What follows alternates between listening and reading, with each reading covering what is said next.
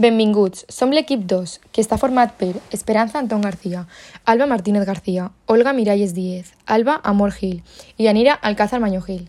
Anem a presentar un nou projecte de l'assignatura Habilitats comunicatives en català, la qual consta de fer un podcast educatiu sobre el bloc 2 d'aquesta assignatura, anomenat La llengua oral.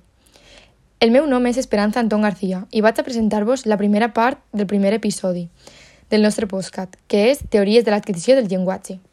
I podem trobar diferents tipus de, tot, de teories, les quals són les següents. Teoria psicoanalítica. Tracta d'explicar quines són les forces que sorgeixen de manera inconscient i que motiven el comportament humà com conflictes interns, emocions i comportaments que apareixen quan eres petit i poden afectar posteriorment.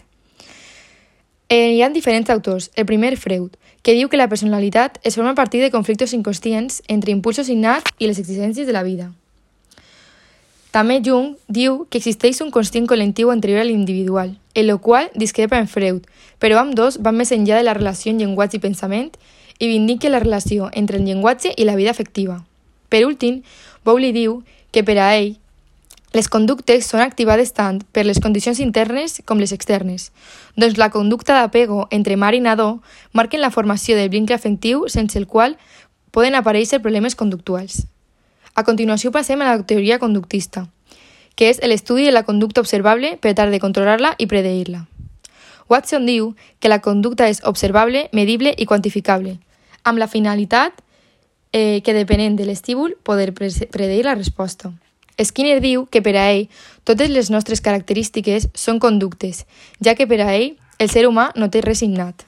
I per últim, Bandura diu que la conducta humana és la major part aprendida i no innata, i l'aprenentatge és associatiu i no simbòlic.